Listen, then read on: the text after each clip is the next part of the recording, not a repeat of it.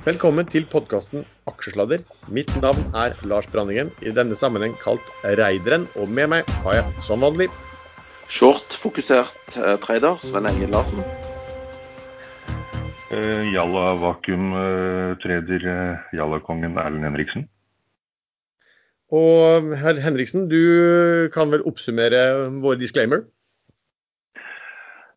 Uh, ja, nå har jeg glemt den helt, jeg. Uh, det er noe sånn som at uh, man ikke må finne på å høre på oss fordi vi er totalt uansvarlige.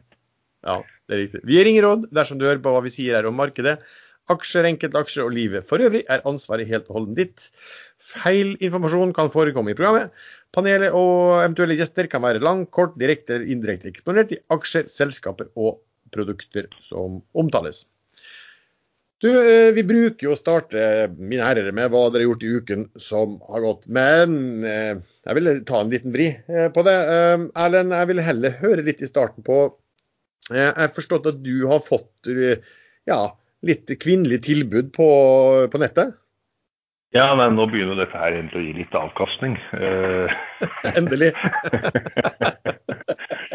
det, det, kom en, det, kom et innlegg sent på kvelden for et par dager siden av en jente som takket for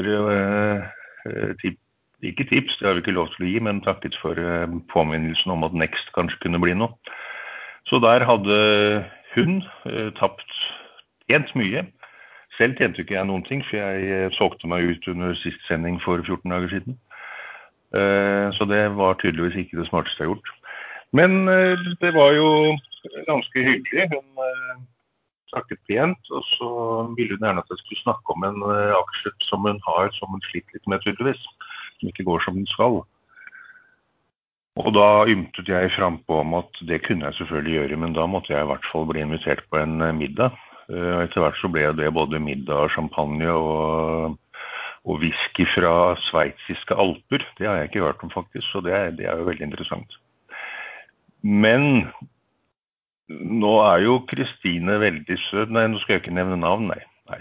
Veldig den da, anonym, veldig søt på bildet. Men jeg har vært borti på Hegnar forum før at det er en del menn som utgir seg for å være damer, og det er et sånn lite triks damene bruker for å jeg holdt på å si komme i buksa på menn, men for å få menn til å kjøpe de aksjene de vil, eller snakke om dem. Det, menn blir helt rare når det er damer i sånne aksjeforum. Så Og du også ble rar? Ja, det var vel heller de andre på aksjeforumet som ble litt rare. Men jeg setter bare, det er bare å kontakte og komme med et tilbud. Men skal man virkelig få meg til å snakke pent om en aksje, så må man jo komme med mye, mye grove, råere tilbud enn det. En middag, liksom. Det kan jeg få hvor som helst. Jeg vet jo at, jeg har ikke sett den, men jeg vet jo om dere har sett den, den det er kommet en ny sesong i, av denne Exit. og det her er vel liksom en, en metodikk Erlend, som gjør at du fort blir tatt inn som hedersgjest i en sesong tre? Ja, jeg trenger egentlig ikke den sesongen, bare jeg får være med på disse partyene med masse dop og masse sånne flotte damer, så, så holder det for meg, egentlig. Hva skal vi si om sånt, Sven? Jeg lurer på hva aksje du ikke skulle snakke om. Hva, hva, hva, hva for en aksje var det? Nei, det, det, har jeg helt glemt. Det og et eller annet Nei, jeg, jeg husker ikke. Det, det, det var noe merksnodige jalla-greier? Ja, det, det, var det. det var I, og med at hun, hun, hun eh, valgte deg, liksom, så må du jo ha vært ganske bedritent selskap. Det var, ikke, ja, var ikke, var ikke, var ikke, Kan du snakke pent om Equinor, akkurat? Nei, det var ikke Equinor. Det. Ikke, ikke Yara eller Televerket heller, tipper jeg. Nei, men det var liksom ikke noe ordentlig vakuum eller jalla-case akkurat nå heller, mener jeg husker. Så, vi, så jeg får heller komme tilbake til den, og så ryker vel den middagen. Men jeg regner jo med at uh, neste tilbud blir jo en del uh, råere, da, så kanskje strekke seg litt langt. En riktig jalla-middag. Sånn er jo det. Si vakuummiddag, men Ja, OK. Uh, jeg lurer på om vi skal skal stoppe akkurat den. Gå videre i det. Nei, jeg trenger, vi trenger ikke gå, videre, gå noe spesielt videre der. Men jeg, jeg, i hvert fall konstaterer at du syns det er svært hyggelig å, å, få tilbud, og at du er i stand til å gjøre det meste hvis tilbudet er det rette. Tilbudet er det rette, absolutt. oi, oi. Ja, men la oss gå over til Du, jeg så bare kjapt på noe Det er jo to uker siden vi hadde hadde episode. Vi hadde oss en liten eh, velfortjent uh, pause i forrige helg. Og uh, så er det slik at eh, Oslo Børs er jo da opp 6 siden altså på de siste to ukene. Det er jo formidabelt. Og altså, SMP 500 i USA er jo opp 3% Den er vel på all time high også. og hva har, Sven, hva har du gjort i det, de to ukene? Jeg var en tur i Sauda faktisk og kikket litt på snøen. Eh, og så har jeg tegna i emisjoner som vanlig. Og så eh, er jeg med i to stykker som jeg ikke har fått aksjen igjen. og så Der driver jeg på å låse inn gevinsten ved å, ved å shorte. da. Eh, så jeg får låst inn eh, gevinsten i både Salme og eh, Iox. Uh, ellers så har jeg treda litt i Rana Gruber. Der var det en finanskjendis som plutselig fikk dårlig tid og skulle selge alle aksjene sine av en eller annen grunn som vi ikke helt vet. Uh, og så har jeg treda litt sånn ja, Treda litt her og litt der. Men solgte han aksjene med gevinst eller tap? Ja, saftig gevinst. Han var jo med på emisjonen. Og det var vel Lars òg. Har du solgt Rana-aksjene dine? Nei. Det har jeg ikke gjort. Så de, Emisjonen var jo på 49,50, og den gikk jo opp i 77 også, så har den jo falt en del tilbake nå. 20 tilbake igjen fra det, men eh, ja. Nå så jeg også at DNB var ute i dag med ja, De var vel ute med en analyse på den på 80 kroner kursmål i dag? Jernbaneprisen er jo veldig høy nå. De har vel sagt at de skal ha break-even på 100 dollar eh, tonnet. Det er vel det går i. Og nå ligger den på 169, tror jeg. Ja, altså jeg så DNB bare så sånn kjapt på den analysen de kom i dag. og De sa at hvis eh, jernbaneprisen holder seg på dagens nivå, så er det en PE på 3,6 for 2021. Eh, og så sa de vel at men de har litt andre estimater da, og litt mer forsiktige, men de sa likevel at snitt, hvis du regner et snitt-PE fra DNB for de neste tre årene, så var snitt-PE-en der på eh, 6,3. Så det er klart at hvis treffer de på den analysen, så, eh, så blir det veldig hyggelig å være eh, aksjonær i Rana ja, en god tid framover, i hvert. Men uh, akkurat nå så, så, er det litt sånn at kursen ville nok gått på den oppdateringen eller på den nye analysen fra DNB, men samtidig så ser man overskriften og at Haudemann hadde solgt. Og så så jeg på, opp, på aksjonærlisten i dag at eh, Spetalen, altså Taikun, hadde også solgt en del den dagen hvor kursen gikk opp til 77 som da var på Skal faktisk være klar over at uh, Haudemann kan litt om gruver. Han var jo storeier i ja, nå husker jeg ikke hva det gull, gullselskapet i Malawi eller et eller annet sånt. nå. Uh, de er borte nå. De forsvant. Man solgte et helt på topp, og så ble de borte noen år, mange år etterpå sånn lik, lik på Oslo Børs, det selskapet. Men Rana Gruver er egentlig fulgt i mange år, sånn litt tilfeldig. Jeg mener det var en fransk storeier de hadde som trakk seg ut, og så kjøpte de ansatte øh, dødsboet, eller øh, restene, og fikk med seg øh, han hva heter LH et eller annet, storinvestoren. Han som er største aksjonær nå, var før IPO i hvert fall. Heter ikke det LNS Mining, da? ja, noe sånt. Da. Ja. Um, og de har vært ekstremt flinke på å automatisere og uh, oppfylle CO2-krav til og med framtidige. De er vel de som slipper ut minst av alle mm, jernbanegruver i hele verden, og de kommer til å bli enda flinkere. Så jeg har veldig sansen for det, men man skal være klar over at jernbanepriser fluktuerer noe voldsomt. Det er ikke, ikke, uvanlig at de går ned i 50 dollar og til og med under 50 dollar tonnet, og da taper vi mye penger hvis ikke vi klarer å automatisere enda mer. Og det går ganske fort. Det er eh, Fra all time high til all time low er, det er fort gjort med jernbanen. Ja, du, får, du, får den der and it's gone uh, og las tilbake på emisjonskurs. Ja, altså det kan jo fort. Ja, nei, ja. Det er jo stort sett eh, Kina som driver jernbaneprisene, for de har jo alle disse infrastrukturpakkene sine. Eh, men de har bygget veldig veldig mye, og det, det er ikke så enkelt for dem å opprettholde det trøkket som de har hatt de siste 30 årene, 20-30 årene. Men nå kan det jo komme en del etterspørsel fra USA. De, nå har jo Biden allerede begynt å snakke om infrastrukturpakke der. To, milliarder, to trilliarder dollar. Så Jernmalm er vanskelig. Det er, en, eh, det er en indikator på økonomien hvordan det går. Og den reagerer gjerne litt før markedet dropper. Erlend, hva har du gjort i uken? Eh, bortsett fra at jeg har registrert at jeg solgte Next på 670 og trodde jeg hadde gjort noe smart da den falt ned til 540 eh, før den gikk opp til over 10 på én melding. Um, men jeg bryr meg egentlig ikke så mye om sånn. Det, er, eh, det bare ødelegger tredingen hvis man skal tenke på hva man burde ha gjort og kunne ha gjort og skulle ha gjort. Jeg har eh, eh fortsatt ufortrødent å øke i Petrolia eh, Berge Gert Larsens eh, PSE, som det heter. Tikkeren PSE.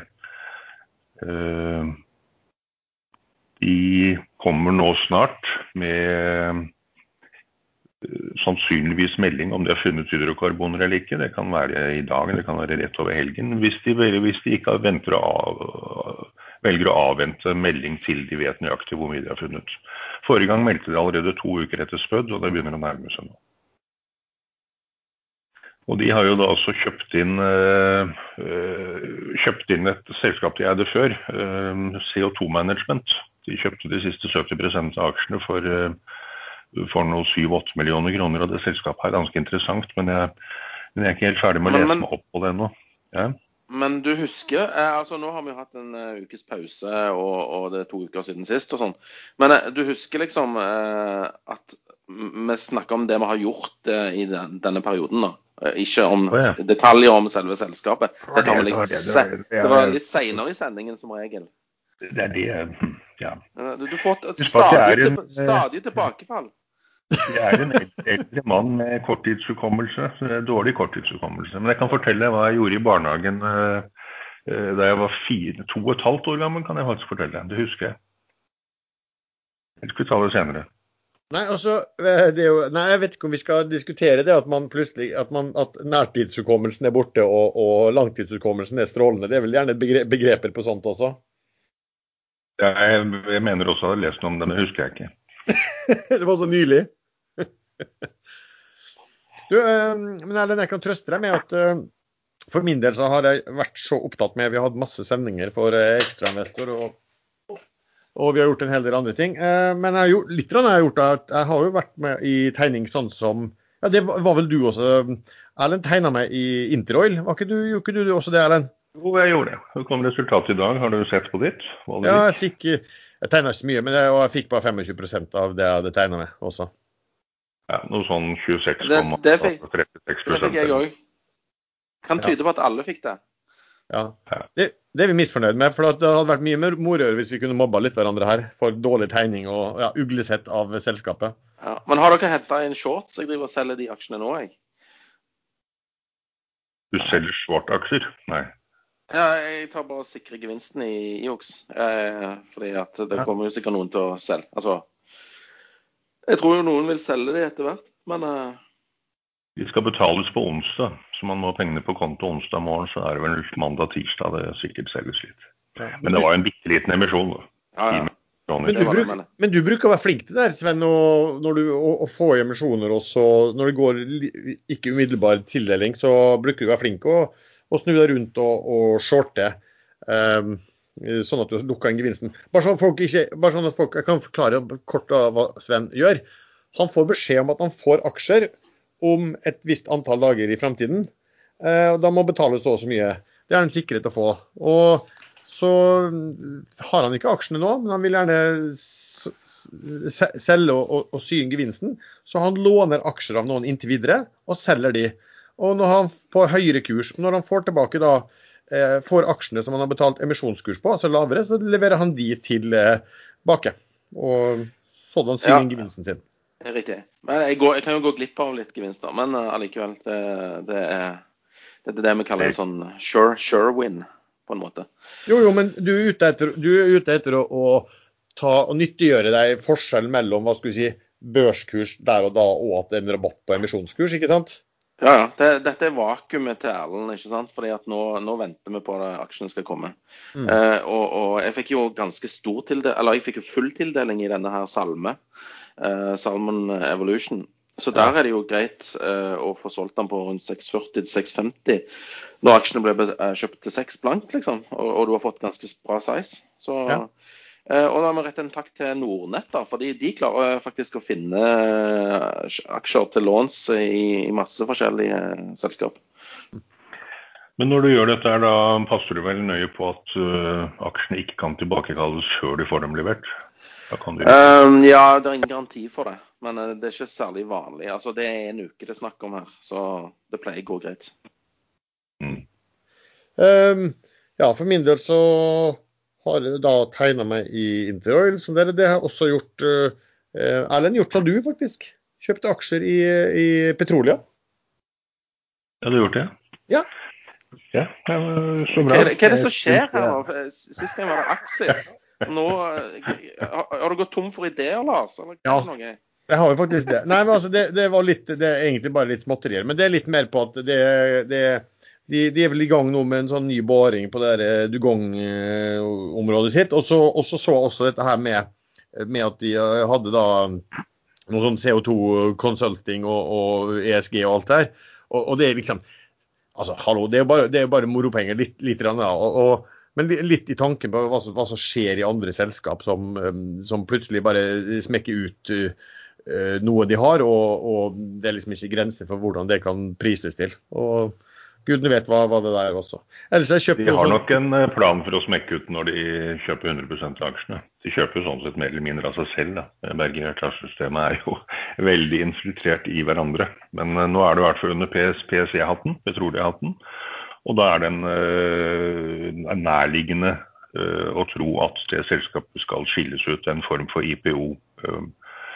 hvor Petrolia beholder x antall prosent, og aksjonærene kanskje får noe utbytte osv. Mm. Ellers har jeg kjøpt noe, ja, jeg kjøpt noe eh, Arctic Bioscience. Um, for der kom det noen, sånn, ja, kom noen analyser. Jeg regner med at det skulle komme noen analyseoppdatering på også. Jeg hadde litt fra før, og så økte ganske kraftig der. Uh, for den hadde falt en god del i forhold til uh, IPO-en også. Så den er jo ja, snudd pent opp de, uh, de siste dagene. Denne episoden er sponset av CMC Markets. Vi synes det er hyggelig at CMC Markets sponser Aksjesladder, og det skal de gjøre en god periode eh, framover. Med oss i dag så har vi sjefen for CMC Markets i Norge, Henrik Sommerfelt. Eh, kanskje du kan fortelle litt om selskapet og tjenestene, Henrik? Lars, hei. Det skal jeg absolutt gjøre. Eh, jeg vil først og fremst si at det er um, veldig spennende å få være med og få sponset aksjesladder fremover. Litt om min bakgrunn. Som leder av CMC Market så har jeg også før den tiden uh, jobbet i uh, en del norske meglerhus og banker, bl.a. Og startet i 1999 som investeringsrådgiver og fikk sånn sett følge både dotcom opp og, dotcom ned. og etter det var jeg litt over i derivatmarkedet innenfor shipping, eh, hovedsakelig hos et selskap som heter Imarex, hvor jeg, hvor jeg jobbet som megler i noen år og etter hvert leder for tankdesken. Etter hvert så gikk turen over til Nordea Markets, hvor jeg har jobbet med en del forskjellig, både aksjer og, og obligasjoner, og, men, men, mest med råvarer og da, liksom råvaresikringer da, for, for, industrien. Før jeg i 2013 begynte da, som, som, leder for, eh, som du var inne på, daglig leder for CNC Markets i Norge, og, og ansvarlig for den skandinaviske operasjonen. CMC Markets, eh, for de som ikke kjenner oss, er et globalt verdipapirforetak. Vi ble etablert i 1989. Vi har kontorer i 13 land over hele verden og ca. 600 ansatte. En av de største CFD-leverandørene, eller meglerne om du vil, som, og, er, og er børsnotert i London, en markedsverdi på rundt 12 milliarder kroner. Eh, vi tilbyr en tradingplattform for både PC, Mac eh, eller mobil, hvor man kan handle mer enn 10 000 finansielle instrumenter Produktet man handler hos oss, heter eh, CFD-er, eller Contracts, for en forkortelse for Contracts for Difference.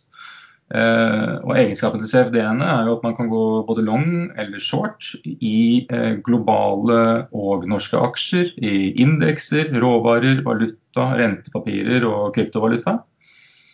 Og med CFD-er har man også muligheten til eh, giring. Så det er viktig å være klar over at giring både kan forsterke eh, gevinster og tap, og at all trading innebærer risiko. Dette er noe vi er veldig opptatt av å, være transparente på overfor kundene våre.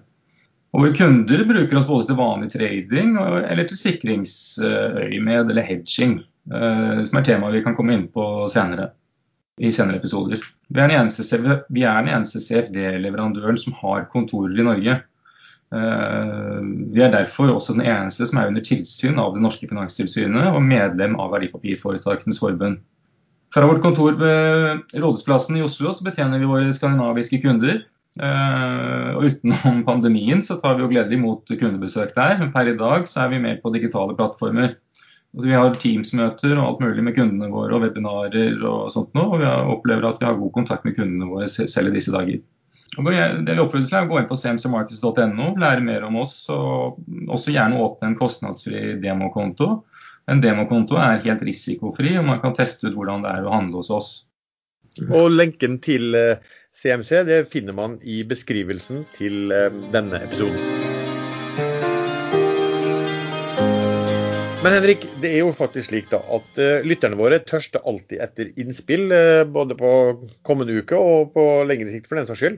Uh, og jeg vet jo, Du fortalte jo litt om bakgrunnen din, og det er jo da veldig kort tid siden du var i et børsintervju i Finansavisen som ekspert der. Så når du, har, når, du først er her, så skal jeg ikke la deg slippe unna så lett, uten at du kanskje kan ha noen ting du vil dele med, med lytterne? Ja, absolutt. Det, det, som våre kunder er opptatt av om dagen, og som, som det er mye, mye, mye, om i media om dagen, og som folk fokuserer mye på, som dere har sikkert sett i markedet nå, er jo inflasjonstall eh, og renter. Eh, og, og, det som kommer neste uke, f.eks., er jo en del eh, inflasjonstall. Eh, fra, fra eurosonen. Uh, I går, uh, onsdag, så, så, var det litt sånn svake tall fra, fra USA som kjørte Dow Jones opp i ny, ny all time high. Og basert på at den, disse, disse, dårlige, svakere tallene fjernet litt av frykten for renteøkningen som har vært diskutert i det siste. Særlig den amerikanske, amerikanske tiåringen som mange følger med på, hvilken retning den går. Og som markedet om dagen er ekstremt sensitivt på renteendringer, kanskje særlig i forhold til tech-sektoren. Eh, egentlig. Eh, selv når tiåringen begynte å gå opp i USA, så så vi at Nasdaq eh, kom kraftig ned. Og, og når jeg er på rentemøte, så har også Norges Bank eh, rentemøte neste uke, på torsdag. Eh, da vil det være mye fokus på rentebanen. Man forventer ikke noen renteendring neste uke, men det som er interessant å si, var Norges Bank sin rentebanen. Norges Bank har tidligere snakket om neste renteøkning i mars 2022. Eh, eh, men bl.a. Nordea spekulerer om de kommer tidligere og ser for seg to rentehevninger i 2021 i år, andre halvår. Sånn generelt sett, som du sikkert har sett i noen av kommentarene, så, så er jo jeg, jeg syns jo, som veldig mange andre markeder, er høyt. da. Så Det er jo liksom ikke fundamentals som driver markedet lenger, eh, men det er jo mer disse, denne typen drivere. da. Henrik, vi, vi kommer jo til å høre mer fra deg i kommende episoder, så da takker jeg så mye for innspillet denne gangen, og så høres vi senere. Takk skal du ha, Lars. Jeg tenkte vi kunne, Det vi også bruker å gjøre, vi bruker å snakke litt om uh, nye selskaper. Nå har vi snakket litt om noen emisjoner. Uh, men det er også noen selskap, da, i tillegg til de vi har snakket om, som man har tegnet seg i, så har det vel også vært emisjoner i Bellships og Petronor. Var du med i noen av de, Sven? Jeg var med i Bellships, og de solgte jeg i går uh, på 7,25. Jeg skulle ut og gjøre et ærend, så jeg bare la det inn der. Jeg regnet ikke med at det skulle gå, for han lå helt støkk på 7 blank uh, hele dagen uh, etter emisjonen. Så plutselig svopp var de vekke og aksjen rett opp i 8. Men jeg ble ikke sur eller noe. Men, du, men, men emisjonen var på 7? Ja. Og så dagen etter emisjonen så lå han på 7. Altså Han lå flatt på syv. Så de som er noen kortsiktige jævler, eh, ikke sånn som meg, da, som holdt en dag ekstra, eh, de måkte ut på syv og var fornøyd med å ikke tape penger, tydeligvis. Mens jeg da, som er interessert i å tjene penger, jeg venta en dag ekstra. Eh, I en eh, nullrenteverden så betyr det veldig lite. Sånn at eh, jeg fikk 25 øre i hvert fall. Kunne fått en krone da, hadde jeg bare venta noen timer til. Men, men. Eh, Petronor, der tenkte jeg ikke For det, det har vært så mye emisjoner nå at jeg tenkte at ah, nei, jeg kan ikke være med på alt. Så da hoppet jeg over den. Det var litt dumt, da. Hvordan, øh, hvordan går den nå? Den er på 1,16 og emisjonen var på 1,10, så det var kunne fått øh, 5 gratis der òg. Men det er en del som, Den aksjen har vel gått litt i det siste, for det er en del som har ment at her er det store verdier som snart synliggjøres. Og plutselig kom det en emisjon midt i, midt i trynet, som man sier. Ja, men den var vel ikke uventa, var den det? Hadde ikke de meldt kjøp av, av disse eiendelene tidligere? Eller er jeg helt borte? Nei, de hadde vel gjort det, for det må må jo ha lest før. At de, at de meldte kjøp av Altså, det var vel Det var eh, noe led- PNGF Syd der de økte andelen fra 10 til 16% eller noe sånt. Ja. Syns jeg å huske. Du, eh, et annet selskap da, som eh, eh, du har blitt Du ble omtalt i Finansavisen, det var vel i dag, Sven? For du hadde vært på Twitter og skrevet noen ting om eh, et eh, selskap som debuterte i går med, under, med brask og bram og hentet inn eh, vel 3,5 milliard og falt som en sten dag én. Og det var Aker Clean Hydrogen. Det er kommet så mange sånne Aker-selskap nå at det, det går helt i surr eh, for meg når jeg kikker på de ticker-greiene. Jeg trodde ACR òg var noe sånne Aker-greier, men det var jo Aksaktor. Så her holdt jeg på å kjøpe litt feil. Men eh, det er blitt så mye Aker-selskap nå at eh, de burde få en egen indeks. Aker-indeksen eller noe. Nei, eh, jeg var jo litt skeptisk til eh, prisingen før de henta penger. Altså de henta 3 milliarder, og før det så var prisingen 8 milliarder. Og så tenkte jeg 8 milliarder kroner for hva da, liksom? De har jo satt opp en organisasjon, vet ikke hvor mange ansatte de er, men jeg tror ikke de er særlig mange. Og så har de inngått noen intensjonsavtaler med, med, med mektige motparter, sånn som Statkraft og Equinor og den gjengen der. Så ja, det kommer jo til å skje noe, men 8 milliarder? Det fikk ikke jeg til å henge sammen. Så Derfor sendte jeg av gårde en litt kritisk Twitter-melding, så jeg tror jeg faktisk ble plukka opp av, eh, av en avis eller noe. Og, og Det er litt deilig da å få rett, at aksjen bare stuper etter notering. Jeg så jo Jeg så jo analytikere i, forkant som snakket om det der fordi at, uh, i, i forbindelse med hva mm, Aker Horizons verdier, da, og så anslo de verdi på Aker Clean Hydrogen. Og man blir jo helt, man blir jo litt sånn småmatt på hvordan kan man på, på forhånd sette en pris på dette. Mitt, mitt, min holdning er jo at altså Aker, Det er jo ikke lenge siden, jeg, jeg lurer på om det var i Q3 det var første gang de, de snakket om det, at det er her i det hele tatt. Eh, og det virker jo veldig altså, de, de har flinke folk, de kan støffe opp selskap, men altså det virker ikke som det er veldig mange ansatte, nei. og det virker som de, Jeg tror ikke de har brukt veldig mye penger på det. Og, og så har de skaffet seg noen intensjonsavtaler. og altså, det, det er nesten på, For min måte å tenke på, så er det nesten at skal det prises til 8 milliarder, da har man allerede priset inn at de prosjektene som de ikke er i gang med, som, som de håper å komme i gang med, for det er jo bare intensjoner, eh, at de allerede har vist seg svært verdifulle. Det, det, er, i hvert fall, det er jo bakt inn veldig mye verdier da, når du ikke har startet å investere og allerede blir priset til 8 milliarder. Ja, jeg, skulle, jeg skulle likt å vært flue på veggen i, i det rommet der de bestemte hva de skulle prise selskapet til før notering. Nei, hva skal vi si da? 8 milliarder? Ja, greit det. Altså, det er jo helt Jeg lurer på hvordan de kom fram til 8 milliarder. Ja, ikke sant? Jo, de tok eh, 10 milliarder, og så er det 20% rabatt på 10 milliarder. Ja, det hørtes, det hørtes jo billig ut. Nei, men Sven, det, det, de, det, de, det de gjør her, er at de sitter vel og regner på at disse, eh, alle disse intensjonene altså de, de blir, blir av. Um, og en slags hva, hva, vil det koste, og hva tror vi altså det, det, det de Analysene er vel på hva tror vi at disse klarer å levere av kjemperesultater i 2030? Eh, og så setter Lars, jeg tror en sånn faktisk at de sitter på et rom en fredagskveld og drikker seg drita fulle, og så ler de rått og ser hva de andre aksjene har gått for, og så ser de hvor, hva kan vi lure aksjonæren med denne gangen, da. Vi, åtte, nei, vi, vi kan ikke ta åtte. Jo, jo, OK, vi kjører åtte. Men hør. Ja, men hør, Altså, hør, og, og åtte er jo lykketallet i Kina, så det maker jo sense. hør, men hør. Hvis Aker sitter i en sånn posisjon nå, og ser det at absolutt alt det de igangsetter, så vil finansmarkedet eh, være med og bli eh, medeiere. Og de vil betale topp, topp penger for det. Altså, Det er jo ikke noe galt at Aker da legger ut eh, dette her. og de, det er jo sånn at Meglusen går ikke de rundt da, og så finner de cornerstones-investorer og bestemmer en pris eh, på basis av det. Eh, så, altså, Aker altså, føler jo at de gjør, de bruker, de bruker muligheten. altså Hvis du satt på Assets og alle andre ville betale eh, topp dollar for det, så eh, hadde du jo ja. Jo, men Lars Aker skal jo være rundt i 50 år til, skal det ikke det? Hvordan virker det på troverdigheten eh, hvis dette faller som dominobrikker i alle aksjene de nå har?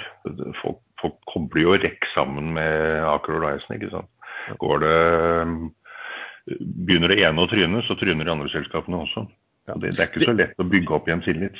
Nei, altså Det er jo noen eh, som husker at Aker hadde en sånn, sånn som det her for eh, Nå er det jo når, når var det, Jeg vet ikke om du det, husker, Sven, du husker sikkert da det gikk på børs med eh, American Shipping Company, Aker Philadelphia Shipyard. De gikk på bøker da det som da var eh, Aker Exploration. De hadde Aker Offshore Services. De hadde altså Aker Biomarine. Det var, det var jo liksom samme periode hvor de fikk Stemmer enorm Aker Biomarin var jo en total flopp den gangen. Det, Nesten, all, nesten alle disse var totalt flopp. De falt noe helt enormt på børsen. Men Aker da, var var jo på en måte, flinke og gikk ut når de fikk en veldig høy eh, pris for det. Spørsmålet altså, så, så, så lenge de ikke eh, liksom, eh, kaster glør i øynene på folk ved å komme med liksom, helt elleville antagelser og sånn, så, så står de jo helt fritt til det. det. Men det jeg kan si om det, er, er når jeg så at de skulle komme med hydrogen Nei, hydrogen, unnskyld. De skulle komme med bitcoin-satsing. Og da tenkte jeg det her går, dette går helt jalla. Hvis de nå eh, kjøper, setter opp et aksjeselskap som kjøper, kjøper bitcoin og sier at nå skal vi satse på bitcoin, og så tenkte jeg meg at oi, oi, oi, nå skal de børsnotere en, bank, en, en konto med bitcoins til eh, xxx ganger eh, verdien av disse her med en gang. Eh, men det har de jo heldigvis ikke gjort ennå. Ja, nei, Bitcoin er jo, det er jo vanskelig. Eh, Hvis, eh, hvis de får rett, de som er positive, og regjeringer, stater verden over ikke blokkerer bitcoin, så, så er det langt fra umulig at den kan gå til en million dollar. Nei, det, det, det er vanskelig å si. Altså, det, Kjell Inge Røkke la jo ut et brev. Jeg la vel linken til det når vi sendte ut Børsekstra også. Jeg tror det var, jeg husker ikke hvor mange sider. Det var veldig langt. da Han forklarte liksom hvor, hvordan de hadde tenkt, og hva de hadde, hva de hadde lært. Og eh, Jeg satt og, satt og så bare litt på det, og da tenkte jeg at oi, oi, oi, han har jo nesten måttet hørt, sittet og hørt på aksjesladder. For det var jo akkurat det her med eh, trykke penger. Hva hvis man plutselig mister tilliten til til, altså, til, penger fordi at eh, myndighetene bare sitter og trykker og trykker. Eh, og da finner annet hva skal vi si, betalingsmiddel da, på en måte som, som bevarer verdier. Det var litt av det den tanken hans var på det. Sier du nå at uh, vi, vi, får royalties for tipsene til, som Røkke da har brukt i selskapet sitt? Ja, vi, vi er i forhandlinger på det. Selvfølgelig. Men uh, det som er med Det man skal si, da, det er jo at et, uh, Jeg lurer på om Aker-systemet om de har en 60 milliarder på balansen sin eller et eller annet sånt. Så, for de å bruke 500 millioner uh, er jo da ikke engang 1% av, av verdiene. Så, så det, det, er jo en svært liten investering. På samme måte så kan du si at mye av de selskapene som de har lagt dit hittil med clean hydrogen, offshore wind, carbon capture. Det er jo ikke mye penger Aker selv har puttet inn for sin eierandel, kontra hva de prises til. Men det er jo, Man må jo kalle det en god investeringsstrategi å putte litt under en prosent av porteføljen sin inn i noe som, som kan nulles eller gå hundregangeren. Ja, og så plutselig så, så har du liksom en, en, Du skaffer deg jo en hva skal vi si, kredibilitet på de, de tingene der også, og, og, er plutselig involvert i hva som skjer der. og, og, og klart du kan se mye mer muligheter for det. Så Sånn sett så gir det liksom mening. Men, men det at eh, å, å putte inn Hvis du putter inn 1, 1 av dine penger, Erlend, så betyr jo ikke det at du nødvendigvis har liksom en supertro på det. Eh, men du, du, ja, du, du kan jo gjøre det som en slags sikring, eller hva du måtte ville kalle det. Jo, når jeg putter inn 1 det er det jeg handler for en sånn vanlig handel på Vinmonopolet, og det har jeg egentlig supertro på hver gang. God avkastning. Du, eh, men da, når vi er da inne på, eh, på bitcoin og kryptovaluta. Sven, har du fulgt med på turene rundt dette Harmony Chain? Uh, ja, jeg har egentlig det. Men jeg, hadde, jeg, var ikke helt ferdig med denne Aker Clean uh, Hydrogen uh, IPO-en i går. Nei. Fordi Hadde det ikke vært for den overtildelingsopsjonen der, så tror jeg den kursen hadde gått under ti i går. For det var så massivt salgspress at det er godt gjort. Så den, den går jo under navnet Greenshoe. Eh, den overtildelingsopsjonen, som typisk er på 15 ekstra eh, så de henter inn til retteleggerne, som de da selger eh, til samme kurs som IPO-en. Og så kan de kjøpe tilbake de aksjene til en lavere kurs for å støtte kursen de første 30 dagene. Og jeg tror de fikk kjøpt ganske stor andel av den greenshoen i går for å støtte den aksjen fra å gå rett i kjelleren. Så det, det er bra egentlig hvis det er overtildelingsopsjoner i IPO-ene. Så følg litt med på det før dere tegner. Ja, For det betyr at meglerhuset har da fått en pott med penger som de kan bruke til å støttekjøpe kursen hvis den skulle begynne å falle for mye? Riktig.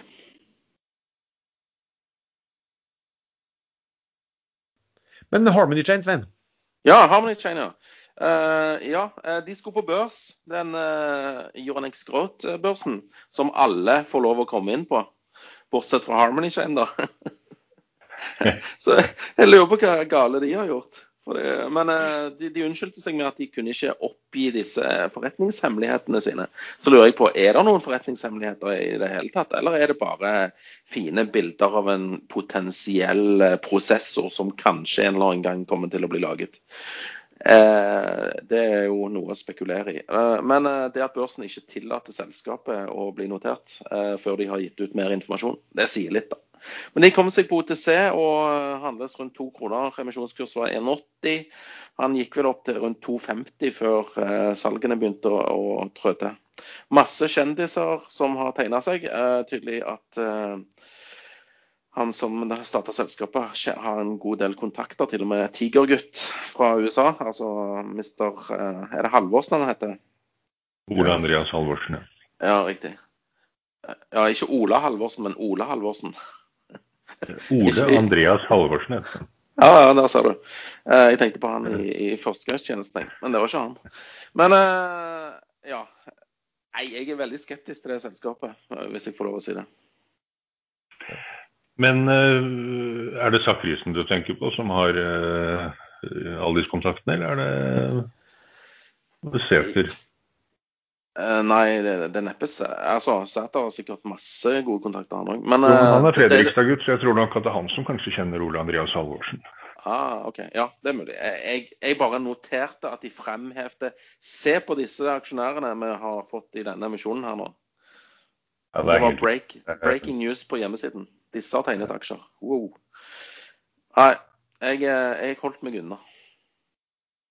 Men eh, er det, var det ikke sånn altså, Du har jo fulgt med Element, og Harmony Chain har jo eh, prøvd seg og gjort ting i forhold til Element også det ja, over en periode? Det var tilbake i Jeg mener det var 2018, det kan ha vært 2017. Da hadde Beitnes overtatt Element og fått inn Alfa Blue Ocean. og kursen gikk sky high da de kom med melding om at de skulle lage iron ore tokens med, eh, med da Harmony Chain.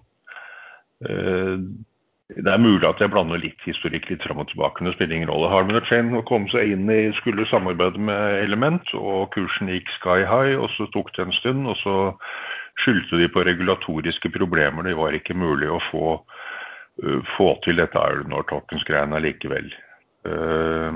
Og nå, nå, skal de mine bitcoin med en bedre chip enn alle andre. Jeg syns dette høres uh, merkelig ut. Mildt sagt merkelig ut. Ja.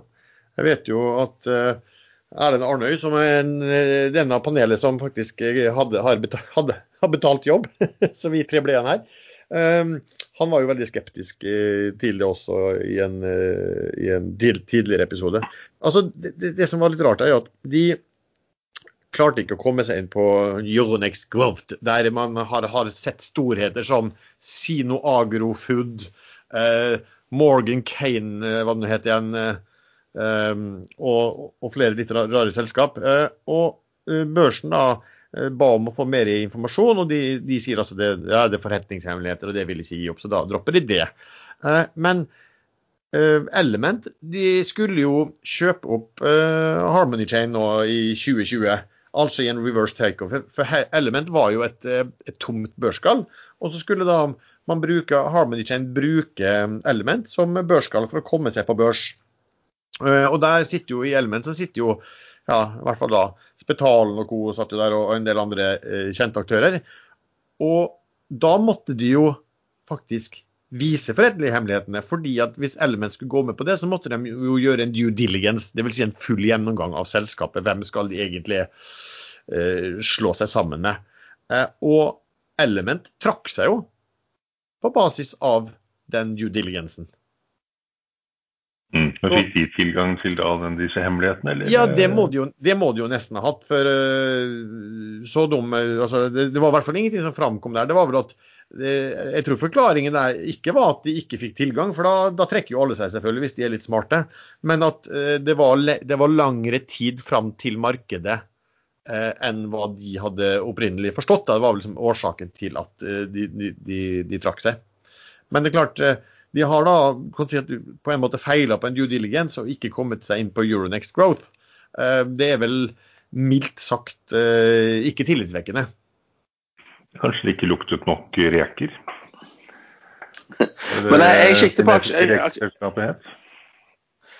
jeg, jeg sikter på aksjonærlisten i Harmony Chain, og med veldig mange fine navn og sånn. Og så er det en som heter Tore Johnsen. Han er professor med NHH. Eh, og i aksjonærlisten så står han som professor Tore Johnsen. Mens alle de andre privatpersonene de har ikke fått med tittelen sin. Det var litt merkelig, syns jeg. Det er sånn tysk system. Der er man eh, professor, doktor, doktor. Det er det eneste navnet som står på postkassen. Ikke navn på kone og ikke navn på unger. Nei, så Det kan jo være at mange av disse finanskjendisene syns det her er veldig spennende, og fordi at det var krypto antok at det skulle gå. Så vet vi at det er jo noen andre ting som ofte kan skje på emisjoner, og der folk lurer på hvorfor de, og de kaster seg ut. det er jo at Av og til så er det jo at man, man kan jo skje at man blir med på emisjoner i regi visse meglerhus fordi at man vet at OK, hvis man blir med litt på noe i de som er litt tunge, um, så, kan man, så kan man altså da ja, prefereres da i de som er tøffe. Ikke sant? Altså de som er veldig attraktive.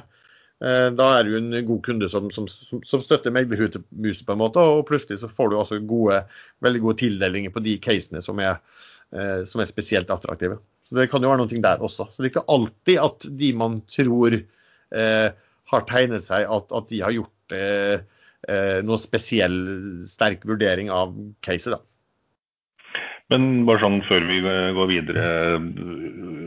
Her virker det som at vi alle tre er skeptiske til selskapet, men det har eh, relativt lite med kursutviklingen å gjøre.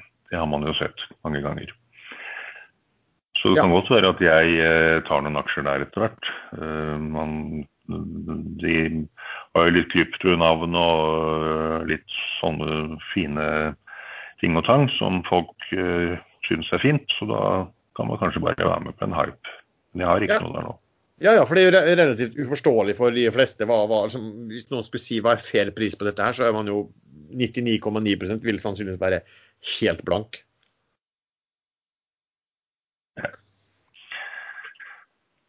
Sånn er det. Uh, ja, la oss gå over på noe andre punkter. Uh, Sven, uh, har, vi har snakket litt om det før, og nå kommer det igjen også. endringer i indekser. Kan ikke du si hva som har skjedd nå? Jo, det, det, kommer endringer i både OCBX og OBX-indeksen eh, effektivt etter close 19.3.2021. Um, Eh, tidligere så, så, var det forskjellige datoer på endringene i OCBX og, og, OBX, men nå har de tydeligvis slått det sammen. Så det er sikkert en Euronext-policy de har.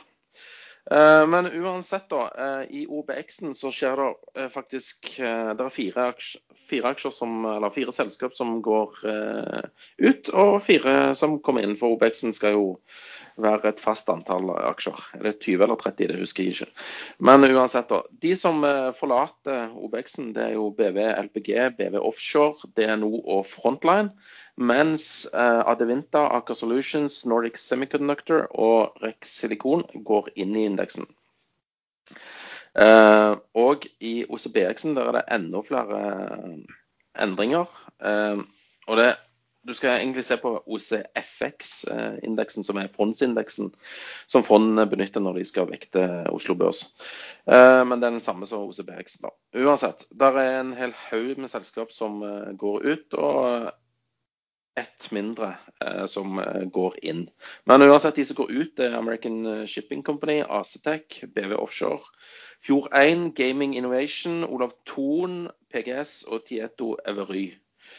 Eh, de som går inn, det er Arctic Science Technologies, Borgård, Carasent, Kid, Pexip, Rex Silikon og Vov. Så eh, følg med på de i dagene før eh, de skal inn og ut av indeks. Pleier allerede nå å bli litt action i disse her. Så jeg, jeg, hadde en idé om å gå long de som skulle inn, og shorte de som skulle ut, men jeg har ikke fått ut fingeren til å gjøre det ennå. Men det er mulig jeg, jeg gjør det på mandag.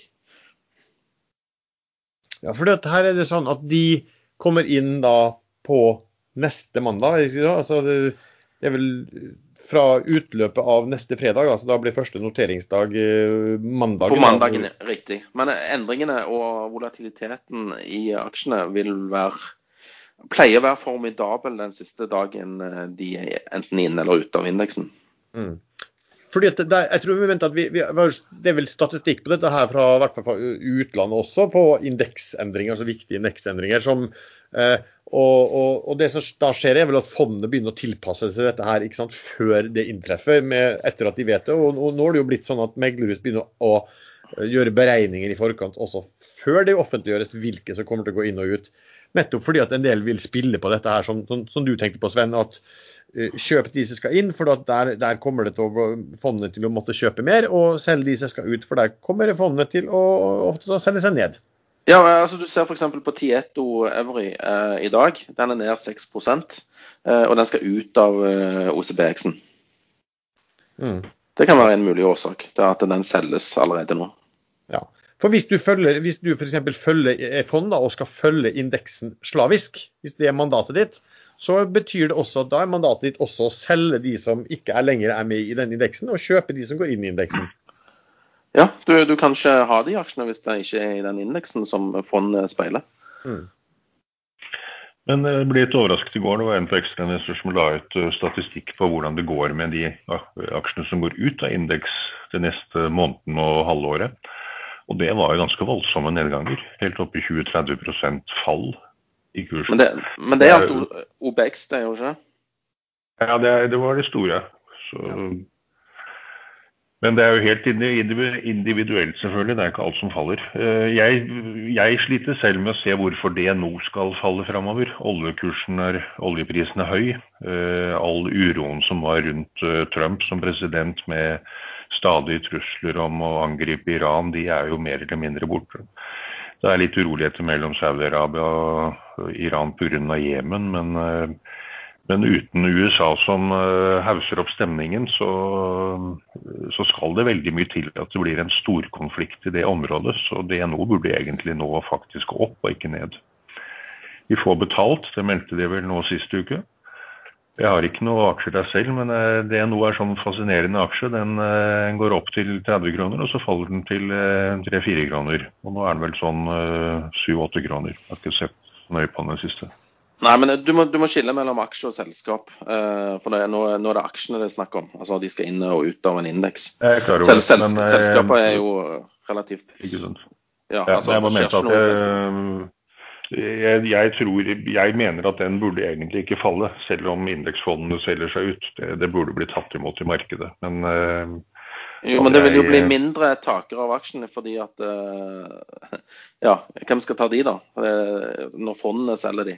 Ja, ja, det er rett og slett bare et spørsmål om flyt. Jo, jo. ikke sant? Flyt Det er tilbud, tilbud og etterspørsel. Du, du får litt Men for stor DNO har vært en traderfavoritt før, så det kan fort komme nok småtradere til å dra den langt opp. hvis... eh, Min konklusjon er at det nå da kanskje kan være en kjøpsanledning hvis den blir solgt ned. Vi må snakke litt om noen andre spennende punkter her. Uh, jo, her er et som har blitt etterspurt av uh, leserne. Altså, Vi har jo en veldig spennende konkurranse mellom uh, Sven, de to kjedeligste aksjene på børsen som du kunne funnet. Kampen mellom Sunndal og Surnadal Sparebank. Hvordan, ligger, hvordan utvikles de? Ja, nå tok du meg på senga her. Eh, jeg er ikke forberedt. Jeg måtte slå, slå det opp. Jeg sitter ikke og konstant stirrer på disse to uh, tikkerne. Uh, jeg har det ikke på watchlist. Men uh, jeg, jeg følger litt med og registrerer av og til at det blir omsatt aksjer. Det er faktisk omsatt aksjer i SUSP, hva er det den heter? Surnadal. Det er omsatt to aksjer i dag på 123 kroner. Eh, Den har tatt igjen den der eh, Sunndal eh, ganske bra på kursen her. De ligger ganske likt nå. 123 til 127 på Surnadal og 125 til 126 på, på Sunndal. da. Så jeg vil si at nå er de ganske like. Mm. Det er vel sånn De er vel eh, Jeg husker mm, Sven den gangen eh, gameren snakket om en svensk eh, gamingaksje. Eh, og du var rasende i løpet av programmet fordi at du hadde stått og fulgt med den mens han snakka med den. Den kursen hadde jo ikke beveget seg i det hele tatt. Helt til vi oppdaget at eh, eh, det svenske markedet var stengt den dagen. Så, og det er jo kanskje noe av det samme å sitte og se på, og sitte og følge med live på, på ordrebok og, og, og trading i, i Sunndal og Surnadal Sparebank. Men to aksjer omsatt altså, altså til sammen på de to aksjene. Nå har markedet kun vært åpent i to timer, da, men allikevel. Men vi hadde jo litt uflaks, da, for vi fikk, eh, vi fikk kritikk på Ekstramestor av to som bodde da i det området der. Og det er vel da snakk om 30% av befolkningen i hele området.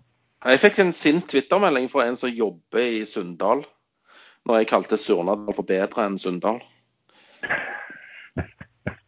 Så jeg, jeg, jeg Ja.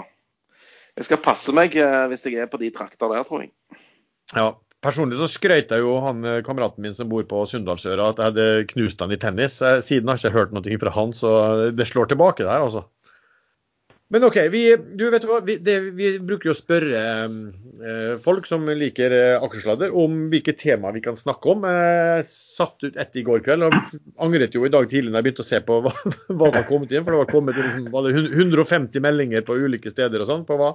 Men det er ett selskap som har gått som en kanon på børsen, og som veldig mange ville vi skulle snakke litt om. Um, Polite har gått voldsomt. Uh, Erlend, kan ikke du fortelle litt hva, hva, hva Polite uh, holder på med? Jeg har laget en en kameralinse som jobber som øye. Um, det er ikke mekanisk fokusering, det er, en, eh, det er en form for en silikonløsning, mener jeg det var. Jeg kan det ikke veldig godt, eh, som gjør at man sannsynligvis via noen elektriske signaler kan få den til å fokusere eh, sånn som øyet vårt fungerer. Og det åpner opp for mange muligheter. eh, Og nå påstår de, eller har antydet, at de kommer til å få en kontrakt med noen mobiltelefonprodusent. Um, og det er jo det er noe som selvfølgelig kommer til å mangedoble omsetning og kanskje til og med bunnlinjen. Men foreløpig har de ikke fått det. Um, men det er noe, noe med den aksjen. Hvor, mange, hvor mange aksjer var det du sa du hadde på syv kroner eller noe sånt, Sven? Jeg har ikke sagt hvor mange, men jeg hadde mange. Mange. Jeg solgte de rundt. Solgte de rundt. Solgte de rundt Gjett hvor jeg solgte de. Ti? Riktig! Rundt ti. Kjempefornøyd. Jeg gikk rett til 20 da, et par dager etterpå. Men eh, shit, shit la gå. Det var eh, faktisk det- en av mine beste investeringer i samme periode som du kjøpte. Men jeg kjøpte ikke før på 15 eller noe sånt, og var med opp til noen og 20 og var kjempehappy. Ja. Men eh, nå er han i 200 200 og og Fytti rakkeren. 19-15? 220,5 faktisk, Ja, siste. Men Neste eh, det som er med det, de har ett produkt. Det er denne T-linsa. Den skal brukes i mange applikasjoner som uh, Og de har fått den inn i en sånn barnemobil, er ikke det, borte i Asia. Og så har de på med noen sånn skanningprodukter. Men hele clouet her er de har alltid liksom drømt om å komme inn i en skikkelig mobil, smart mobiltelefon. Men problemet deres har vært er eh, størrelsen på den modulen. Altså, den er for stor til å passe inn i de uh, tynne, fine smarttelefonene. Så jeg vet ikke om de har klart å gjort noe med det, sånn at de passer inn nå. Eller er det samme problem fortsatt? For Hvis det er samme problem fortsatt, så, så betaler du altså to milliarder for noe som kanskje ikke blir noe av. Du, altså, Jeg satt og så på har den foran også presentasjonen på, Q, på Q4. Eh, og der var vel han toppsjefen eh, eh mer liksom, eh, ja, fornøyd. Sa vel at eh, synligheten for et, et, gjennombrudd på markedet for smartphoner har liksom økt. Det var vel det de, det de mente. Sånn sett skal vi se hva, hva liksom han ja, og, og, og, sier vi liksom at, at kundene på, rundt omkring på ulike områder, de er liksom uh, ja, uh, stadig mer interesserte her. Utenom det, så altså, hvis du bare ser på aksjonærutvikling, så er det jo i og for seg litt spesielt å se at to av de største aksjonærene, ventureselskapene, ventureselskap, dette Viking Venture og det andre, vel Alliance Venture også, i hvert fall Viking, har jo, har, de har jo solgt seg ut um, over en god periode nå. Uh, før den kursen virkelig begynte å ta av. Men, men det jeg kanskje syns var liksom litt spesielt her, var jo at eh, det også kom veldig store innsidesalg nå etter den Q4-rapporten. Ehm, jeg vil se om jeg finner den her på ehm, hvordan de utøvde aksjer. Altså, da var det han som var eh, finansdirektør. Dette her var, ehm, var for halvannen uke siden. Så utøvde han 12, 13 000 aksjer ca. til kurs 22, og solgte de umiddelbart. Og etter det så hadde han, han, altså han har bare 3000 aksjer. Og så har han fortsatt 32 000 opsjoner. Altså han tok eier litt aksjer, og så tok han ut en eh, ja, overkant av 25% av opsjonene sine og solgte de. Eh, samme var med CTO. Han også eh, utøvde han utøvde noe flere aksjer, sånn 30 av opsjonene sine, og eier også lite aksjer. Chief Operating Officer, også det samme. Eh, eier egentlig lite aksjer og utøvde mye opsjoner.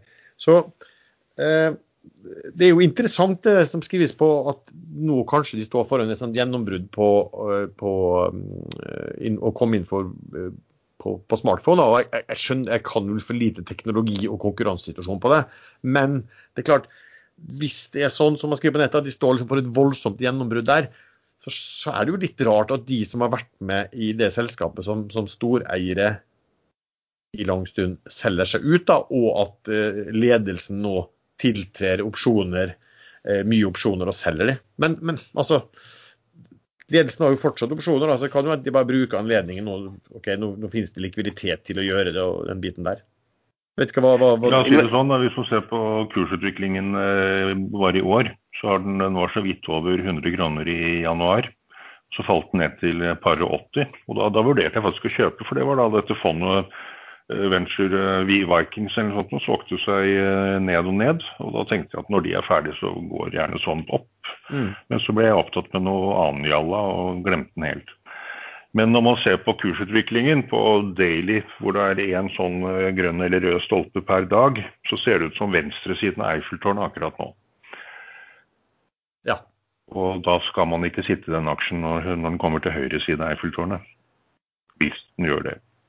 Når det er sagt, hvis den teknologien eh, til eh, Polite, eh, altså linseteknologien, blir den ledende på smarttelefoner i verden framover, så er to milliarder lite, tror jeg. Det er det.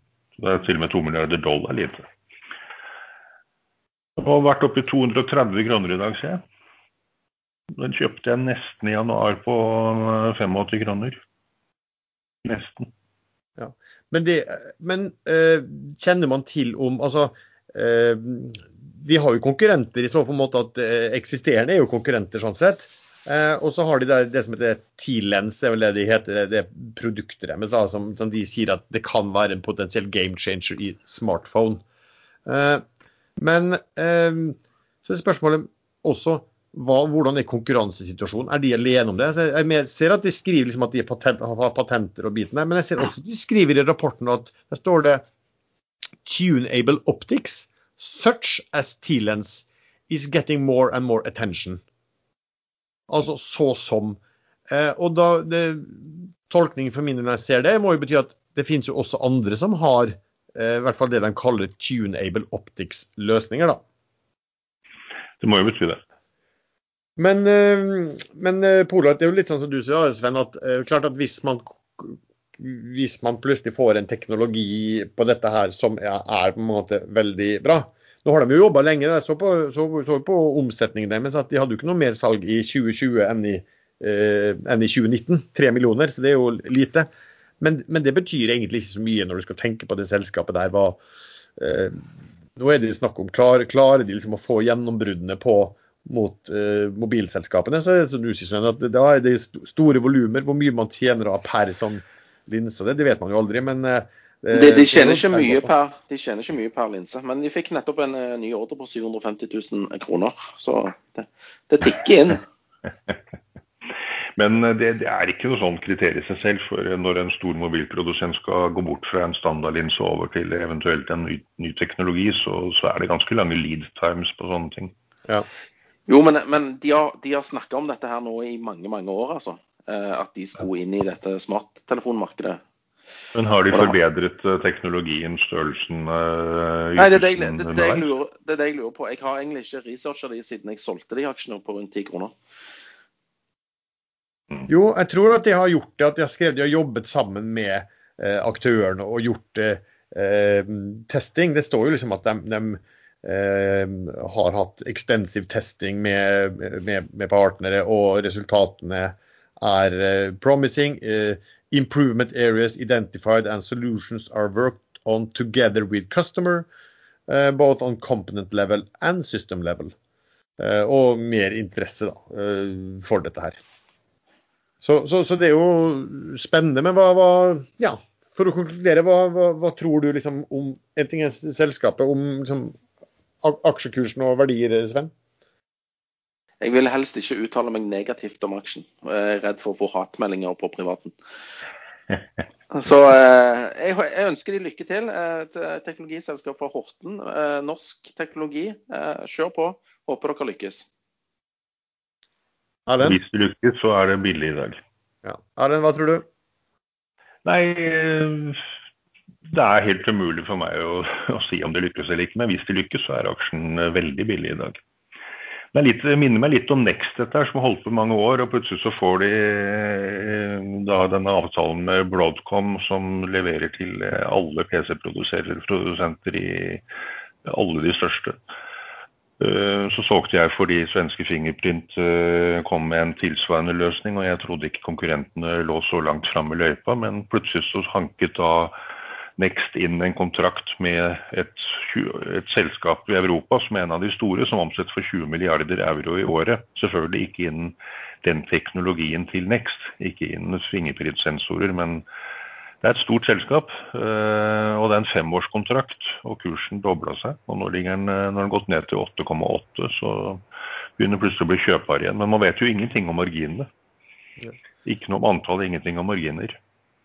For min del om eh, Pollard så har jeg eh, egentlig ikke noe annet. Jeg bare, bare sier at på, på to milliarder så er det bakt inn eh, at det selskapet skal tjene og gjøre noen ganske voldsomme eh, gjennombrudd. Eh, sånn jeg ville tenkt om det? Nei, nå er jeg en forsiktig fyr. Jeg ville tenkt som sådan at når eh, to aktører som har vært med i en veldig tidlig fase fra dette her og gjennom mange år, når begge de selger seg ut, og ledelsen også sørger for å skuffe inn ganske mye penger inn i kassa si, så ville jeg tenkt at hmm, det er kanskje ikke så lett og et så stort gjennombrudd som kan komme som eh, mange aksjonærer håper på. Men eh, det har vist det før, det å bare sitte og se på hva de hva store aktører gjør, og hva, hva, hva ledelser gjør, og hva som helst, så har ofte det vist seg at det være feil. Det kan være at de gjør andre ting av ja, Vil ha mindre risiko eller hva som helst også. Men det er liksom bare sånn liten sånn eh, Ja, når jeg tenker på det og, og ser hva, hva den type aktører gjør, da. Så kan de også ha en mengde opsjoner eh, som de har fått på 30, 40, 60, 80 kroner. Ja, da ledelsen hadde jo opsjoner. Jeg sa jo at de, de, har det. Og det er klart at av og til så Det som du sier også, at, at kan det være at ja, det, de kan ha levd og hatt lavere lønn enn hva de normalt ville ha ikke sant, på en sånn og sånn fase. Så det er mange, ofte mange gode grunner til å, til å selge aksjer og, og, og, få litt gevinst. Og i et sånt teknologiverden så vet du jo aldri plutselig hva, hva, som kan dukke opp av konkurrenter fra et eller annet sted med noe gjennombrudd eh, i overmorgen. Sånn er det jo. Vi har jo snakket litt om, eh, om, om, hva som skjer nå. og Nå ble det jo endelig besluttet en tiltakspakke i USA. Uh, hva skal vi tenke om det? Altså, retails i dag, ny undersøkelse som kom i uken, var at nå utgjør de hele 23% av det daglige handelsvolumet i USA. De er altså, sammen, altså Retail er 1,5 ganger større i volum enn um, en vanlige fond, aksjefond og he, normale hedgefond til sammen. Kun uh, disse um, high frequency traders, som egentlig tilfører likviditet, er større. De har 45% av volumet. Uh, men hva skal vi tenke da når mange av altså retails, når de det skal trykkes penger, det sendes ut til befolkningen, og de har vel mange av de til intensjonen å bruke pengene til å kjøpe aksjer. Hva skal vi da tro om markedet, Sven? Nei, det ligger jo an til happy days her nå. Men uh, det jeg, jeg, sitter og ser på denne amerikanske tiåringen igjen, og nå har han spruttet over 1,60 igjen. Uh, vært rimelig volatil. Så ja, de får 1400 dollar per person uh, nå til helgen og i neste uke. Så du kan jo egentlig se for deg at uh, nå skal alle inn i GameStop og AMC og alle disse her Wall Street Bets-aksjene. det er faktisk det kan... ikke riktig, Sven. De kjørte en analyse på hva de investerer i, og det var veldig likt normale fondinvesteringer sånn over det store og hele på disse retail. Nå, nå syns jeg du ble kjedelig. Fordi at det, det, min uh, teori var mye mm, spenstigere og, og kulere, syns jeg. Nå skal du komme liksom, med fakta og ødelegge hele moroa. Hey, ja, men, vet er, eh, men, vet du hva? Eh, jeg har lest annen fakta som støtter litt mer opp på din side, Sven. At veldig mange av de unge er unge, unge, unge menn som uh, kjøper svært risikofylte uh, og trader i veldig mye risikofylte um, aksjer. Ja, og, og jeg, ja, disse aksjene kjøper jeg. Uh, nei, uh, og, og, ja, uh, det kan jo være at det skjer, da. At disse pengene blir pløya inn i aksjemarkedet. Men da, for de andre aktørene som da ser på tiåringer og, og, og, tenker sitt at her kan jeg få risikofri avkastning over utbyttegilden i SMP 500 jeg tror jeg selger de aksjene. For et bra tidspunkt å kunne selge på da, når hele retailerarmadaen skal inn med sine holdt på å si hardt eh, opparbeidede penger, men altså, det er jo bare noe de får i posten. Eh, så ja, jeg tror det blir volatilt framover, rett og slett.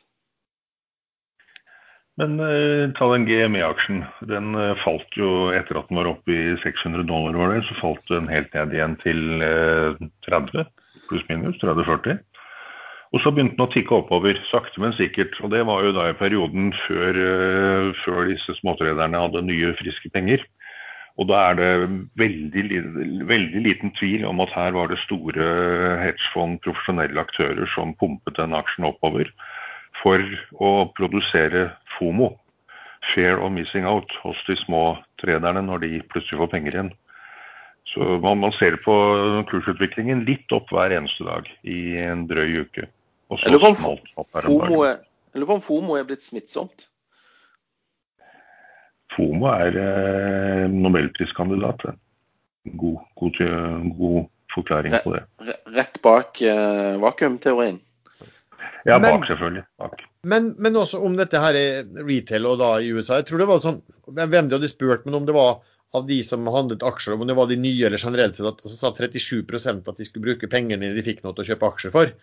Eh, Men så er det sånn at hvis du da satt og var et stort hedgefond, eller hva det måtte være, stor aktør da, og du tenker OK, her kommer det pakke. Her kommer det mm, Mye av pengene går til, ut til folk som har tenkt å kjøpe en enorm, ikke sant? Folkene får enorme penger, og de skal kjøpe aksjer for dette her.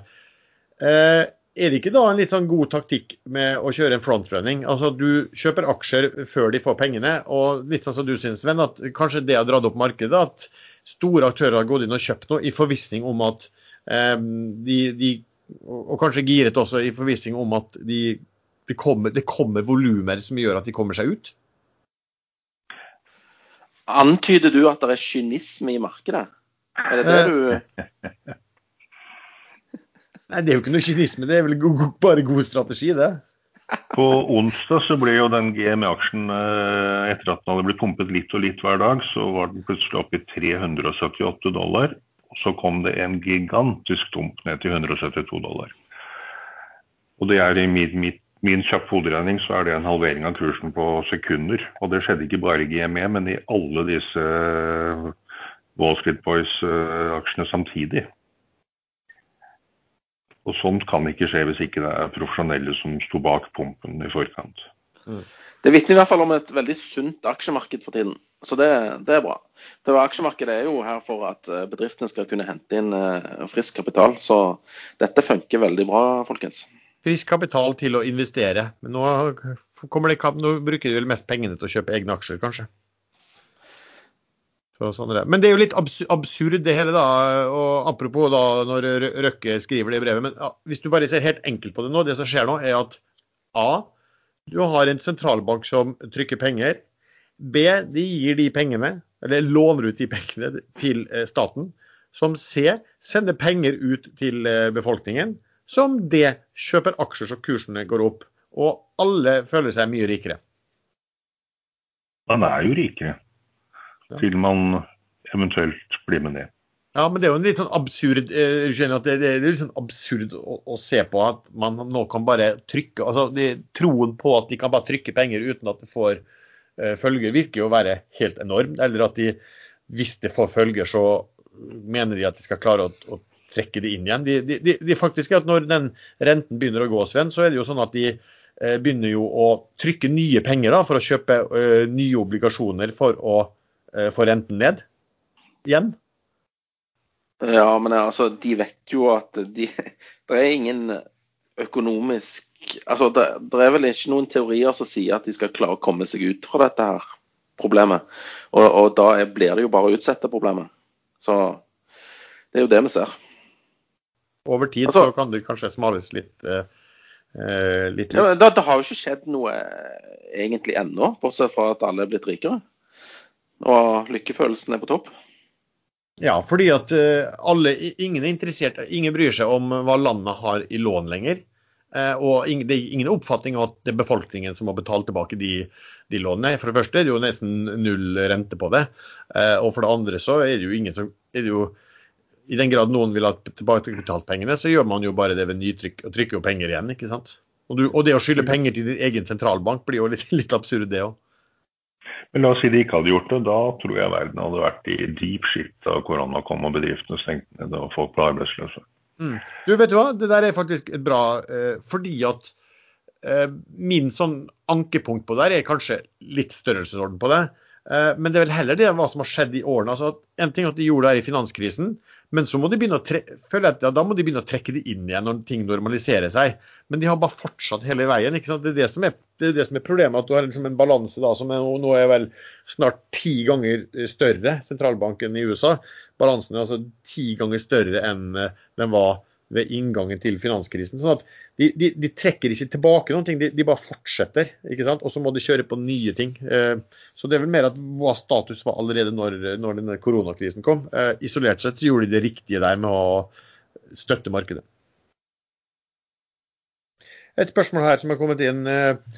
Eh, Hvilke trigger eller triggere bør man følge med for å hindre at man er all in når det smeller? Eller hvis det smeller, hvem man han vet med. Hva tenker Sven? Hva for noe? Eh, Hva, er det noe spesielt man bør følge med på for å hindre at man er all in når det smeller? Eh, aksjekursene, er det det som er svaret? Eh, Eh, hva Nei, en eller Indeksene? annen, en eller annen, han er vel på jakt etter en eller annen leading indicator da, som du ville brukt uh, for å, om du skulle være, gå, være mye i markedet eller lite, eller lite i markedet. Følg med på tiårsrenten i USA. Og uh, utbyttegilden i S&P 500-indeksen. Hvis renten er over uh, utbyttegilden, så, så vær forsiktig. Er den under, så kjør, kjør party. Annet spørsmål her er om eh, bare oljeservice eh, generelt. Eh, Hva tenker vi om det, Erlend? Ja. Jo, med oljepris på 69 dollar ticking up, så vil jo det nødvendigvis bedre seg relativt raskt, tror jeg. Men så spørs det om oljeprisen holder seg der oppe, da. Men eh, Litt relatert til det. Det er jo ingen inflasjon eh, fortsatt. Det viser ingen inflasjon. Eh, Og veldig mye av det så jeg ifølge Pål Ringholm var fordi at eh, det fortsatt var veldig lave priser på flyreiser og ferieturer. Eh, Så det er mulig at prisene på de eh, kanskje kommer til å, å gå litt opp etter hvert. Og da får du jo litt høyere priser rundt forbi på, på Mm. de tingene òg. Ja. De har vel en sånn pris eh, altså, Men var den på 1,7 nå i USA? Inflasjonen? Jeg husker ikke det tallet, men jeg husker bare jeg leste kommentarene eh, til at det ikke viste noe eh, inflasjon i markedet for øyeblikket Nei. å bry seg om. Og, og det sa jo Fed òg. Nei, nei, det er ikke noe inflasjon her nå. Så, Men, det, vi- men det, jeg mener at du også det har vært snakk om se at liksom produsentprisene har begynt å gå opp. Sånn at Det det vi kanskje ikke innsatsfaktorene har jo eh, begynt å stige kraftig. Ja. Metaller og shippingkostnader og oljepriser og alt mulig. Det, det går jo bare opp. Ikke sant? Og da er det en del bedrifter som ser det at de, det de kjøper inn, koster mye mer. Og da vil de jo ja, Da har de jo egentlig to måter. Enten så må de jo sette opp de prisene videre, eller så må de ha lavere underskudd. Det som Erlend snakket om i byggevarebransjen her eh, sist sending. Samme opplegget. Ja, det var jo voldsom prisstigning. Kommer 1.4. Så de som trenger materialer, eh, særlig plate, bearbeidet eh, materialer eh, av tre, de må, burde handle nå før 1.4.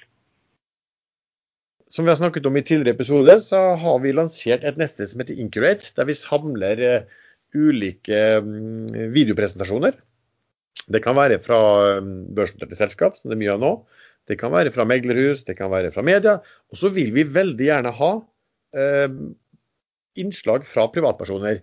Det kan være så enkelt som at du bare spiller inn en liten videosnutt det med alvorlig eller med humor om hva du syns om enkelte selskap. Og det vi har sett eh, på det som har blitt lagt ut, er at det er veldig stor interesse for folk å se på sånne typer private eh, videoer. Selv så holder jeg på å gjøre en, litt, en liten undersøkelse på mm, en del børsnoterte selskap. Eh, litt interessante tall om hvordan tallene er i forhold til det å aktivere eh, utviklingskostnader i selskapene. Så jeg tror jeg skal lage en sånn liten video på det og litt tall å få lagt ut eh, der. Så hvis du har lyst til å bidra, det kan være egne eller det kan også være å legge ut interessante videoer du ellers finner på nettet, så er det bare å registrere seg på, mm, på nettsiden incurate.com. Da, mine herrer, siste punkt som vi alltid bruker å ha. Da går vi til hva har dere som er deres favoritter for uken som kommer. Sven. Ja, um, jam, jam. Eh, Jeg har Ja. Vet du hva, jeg har denne Deep Value Drilling. Der, der eh, de gutta krutt kjøpte Bolette Dolphin fra konkursboet. Uh, og og den, har, den er billig. Eh, det kom øyeblikk på OTC. Eh, noteringen var vel eh, Eller emisjonen var vel 8,5. Eh, han ligger 8,75 til 9,25 nå, sier Fearnley og, og de. Kommer på OTC nå til uken, tror jeg. Og så skal han videre på Euronex Grøt en tid etter det. Så den hadde jeg tenkt å holde en liten stund, i hvert fall. Uh, følger med på Q-fri. Uh, akkurat i dag så ble disse her 22 millioner aksjene fra gjeldskonverteringen uh, frigjort for handel, uten at det har dempa kursen noe særlig. og Spesielt Ribor og Sønn kommer ikke til å selge sine, da, så da er potensielt 8,5 millioner aksjer som, som, kan bli solgt. Men jeg, jeg tipper at ja, det, det, virker ikke som det er en sånn kjempestor salgsiver. Eh, holder i tillegg eh, Philly Shipyard. Den er vel på linje med Sunndal og Surnadal når det gjelder eh, spenstig utvikling. Men han får ligge der til det begynner å skje et eller annet. Jeg håper det kan skje før 2030, liksom. Det er liksom de tre jeg ser på. Og så var jeg borti en aksje i Sverige som heter Aselio som er en eh, lag, altså De lagrer eh, energi rundt forbi. fordi, Og så har de noen avtaler i USA. og I USA så kommer det et sånn insentivprogram for eh, å kunne hjelpe dette strømnettet. Så, så, vil de gi insentiver til at eh, energi kan lagres rundt forbi. og Før var det bare insentiv hvis du hadde dette her i forbindelse med et eh, solcelleanlegg. Men nå blir det det er politisk enighet om at dette skal gjelde all form for lagring av energi. Så den kan være noe å følge med på. Bra. Erlend? Jo, jeg, jeg, kjøpte jo Kahoot med brask og bram sist, og da skulle jeg bli long-long og legge den i skuffen og ikke se på den mer, men den holdt jeg akkurat to dager, tror jeg.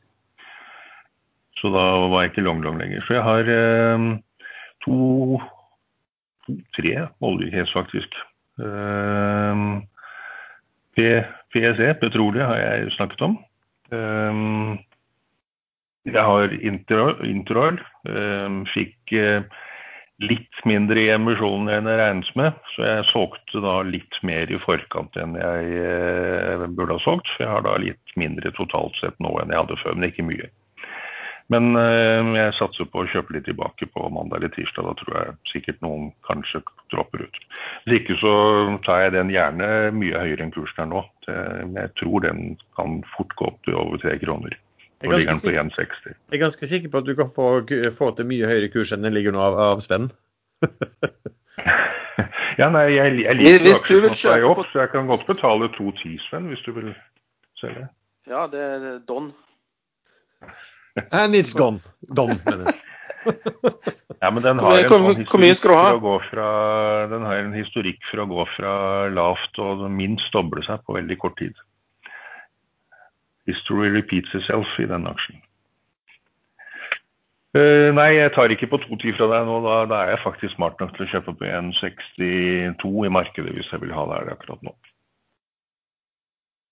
Men jeg har eh, fremdeles Sidril. De, mm, de, driver hele tiden og forlenger disse forbearance agreementene, er det vel heter. Eh, nå ble jeg ikke korrigert, så da var det faktisk riktig denne gangen. Eh, nå til 25. mars, og det er et nytt møte i chapter 11-retten 24. Så de ble da ikke enige nok uh, i det møtet som var 16. mars. Og men det er ikke sagt at uh, det ikke kan bli enighet før det, så vidt jeg skjønte meldingen. Så det kan plutselig komme melding der. Og blir de enige om å gå videre, at det er åpnet offisielt chapter 11, så har CEO sagt at dette er forhandlinger som kommer til å ta mange måneder. Og det er eh, veldig fascinerende for et vakuum-case. Det er 100 millioner aksjer i Sidril nå, og det kommer til å komme noen milliarder nye. Og dagens EK-aksjer blir da nullet, men det er mange måneder til. Så der kan mye skje.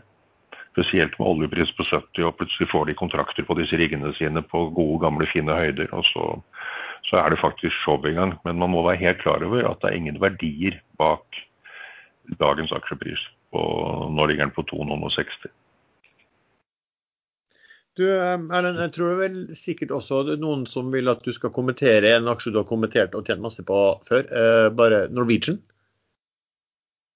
Ja, eh, der kom det jo nå Nå begynner det å bli ganske sikkert at de har blitt enige. Eh, det var tre-fire leasingselskap som, eh, som strittet imot, men dommeren overstyrte dem. Og da blir det chapter 11 case, og de nye aksjene kommer man regnet vel med at de kan kalle inn til EGF, generalforsamling, i, i april. Så sånn rundt april-mai så begynner de første nye aksjene å komme.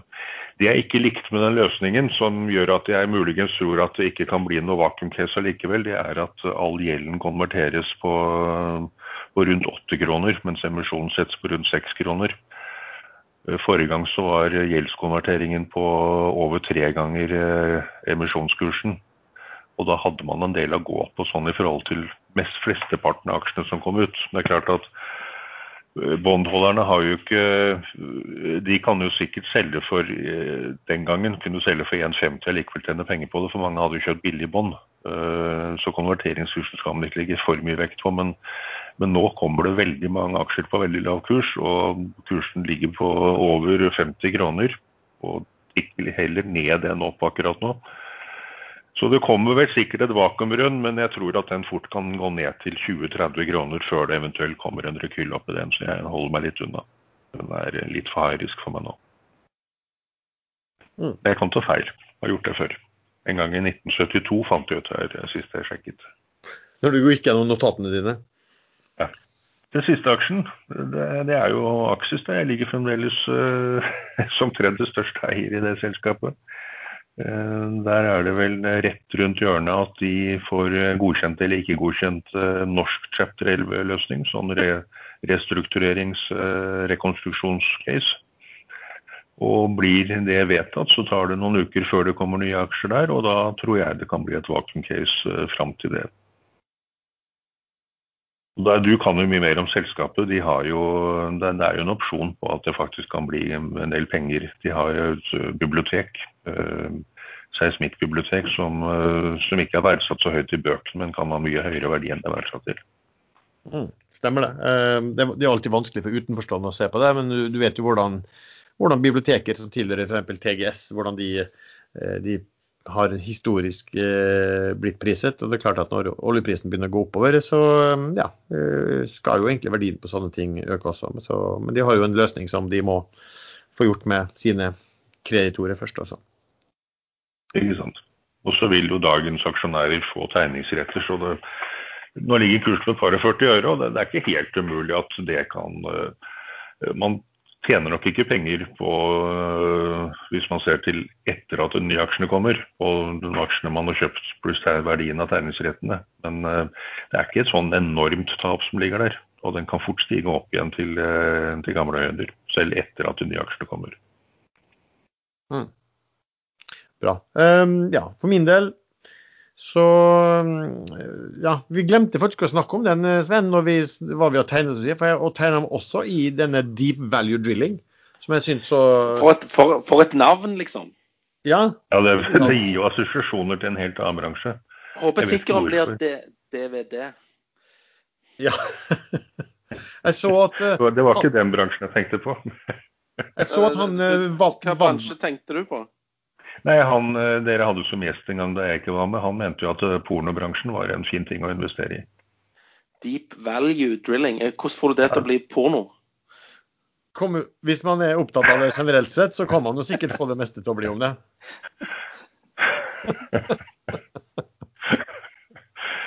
Ingen kommentarer, som de fleste burde si mye oftere. Lurer på hvordan de kom på det navnet der òg. Skulle gjerne vært og hørt den diskusjonen òg. Nei, hva skal vi kalle selskapet da? Nei, Det må være noe med verdi og, og dype spor eller et eller annet. Deep, deep, drilling tenkte de kanskje på først, og så fant de ut at nei, her er det verdier også, så må vi eh, lage litt hypenavn på det òg. Det burde vært deep undervalued drilling. hadde jo vært så ironisk at da hadde jeg i hvert fall blitt bull på selskapet.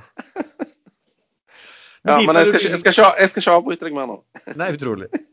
Uh, Jeg så bare at han eh, Vammen, som var en av disse tilretteleggerne, som starta det, han eh, sa vel at han hadde aldri sett et eh, liksom, bedre case og timing på et case, og, og prismessig. Men det, det, er jo lett å si. Men det som var litt, også litt sånn bra med det caset, her, var at du, på mange måter kommer du inn på samme nivå som de som har eh, skaffet, skaffet de rettene her. De, de, får liksom ikke opp en de får liksom ikke prisa opp sin, sitt bidrag noe voldsomt som om det allerede opplevde suksess. Så får de selvfølgelig altså, warrants, opsjoner og alt det der. Så hvis du tjener bra med penger, så, så vil de gjøre det også. Men liksom når, når du så litt litt på regnestykkene i forhold til hva andre aktører blir prisa til på, på, på, tilsvarende rigger og sånn, så så det her interessant ut. altså Kombinert med det at du har en oljepris som er, som er sterk. Så det blir interessant å se når den, eh, den kommer på børs. Jeg tegna meg for en hel del og, og, og, og, fikk bra med det. Ellers så snakket vi om eh, ja, om Rana. Den kan, kan man bare følge litt med på. Jeg ville bare tenkt som sådan at den er ned 5 i dag. Og den er nok det på oppslaget om at A. Haudemann selger seg ut, og at B. Eh, Spetalen også eh, solgte, i hvert fall på tirsdag. Men merk nå at Spetalen solgte da aksjene sine eh, når kursen var mellom 71 til 77. Men kanskje det er et sånn lite overheng nå eh, på at noen som skal ut, eller noen som skal kaste seg ut fordi at de ser at eh, proffer er ut. Så, så jeg vil kanskje hvis jeg var lytter, så ville jeg i hvert fall fulgt litt med på den og se om den bare eh, stabiliserer seg kanskje eh, litt først. Og, og, og se om de kanskje tar litt slutt på i hvert fall en del profilerte eh, selger. Og så kan man jo vurdere da å å, å gå inn på den. Men det, det er også sånn at det, det er jernmalm, og den prisen varierer voldsomt. Sånn ene dagen så så skuffer sånne selskap inn penger, og neste dagen så er det svarte natta. Så, så det er jo, det er jo råvare industri der, og uh, risikofylt uh, sånn sett. Uh, snakket om PC, men der, der, har jeg ganske lite. Og det har jeg jo en del andre selskap også som, som, jeg følger med på. Jeg har en del Filly fortsatt. Den vært kjedelig. Det er liksom ikke noe og der, Det er litt sånn waiting game. Man sitter egentlig og håper at noen skal ta ut den store um, salgsposten til det amerikanske fondet. Hvis det er noen som tror at eh, de kommer til å tjene bruk, bare brukbare marginer på den 1,2 milliarder dollar-ordren sin, så, så, bør de jo absolutt plukke den posten. Så ja, vi får håpe at den bare blir plukket av markedet, uten at det skal bli sånn seigpining at det skal selges over veldig lang tid. Sånn sett. Nå har jo Biden vært ved roret i 100 dager, har han ikke det? Men savner ikke dere Trump litt? Overhodet ikke. Hvor deilig det er å slippe å, å være liksom at, at, det kommer tweets om sinnssyke tweets om ditt og datt, og om påvirket selskap dit og hit. og Nei, overhodet ikke. NRK2 her om dagen, og da var det en dokumentar om Trump fra hans første år, da han langet ut mot Nato. Og da snakket jo hans medarbeidere om hva som foregikk på kammerset, og verden var jo noen ti minutter fra en katastrofe. Han hadde bestemt seg for å trekke USA ut av Nato. Men de klarte å snu han helt på slutt. Men de visste ikke hva han kom til å si når han gikk opp på talerstolen. Så nei, savner ikke Trump. Men i alle fall, eh, ja, nå har vi holdt på ganske lenge, som vanlig. Så da tror jeg vi avslutter for denne gang. Eh, da takker vi for deg som lytter til denne podkasten. Følg oss gjerne og ta diskusjonen inne på um, Ekstrainvestor. Gå inn på ekstrainvestor.com f.eks. og ta finn chatten eh, derifra. Vi har en gruppe, egen gruppe på Facebook som heter podkasten Aksjesladder. Eh, og kan også diskutere med oss på Børsforum på Facebook.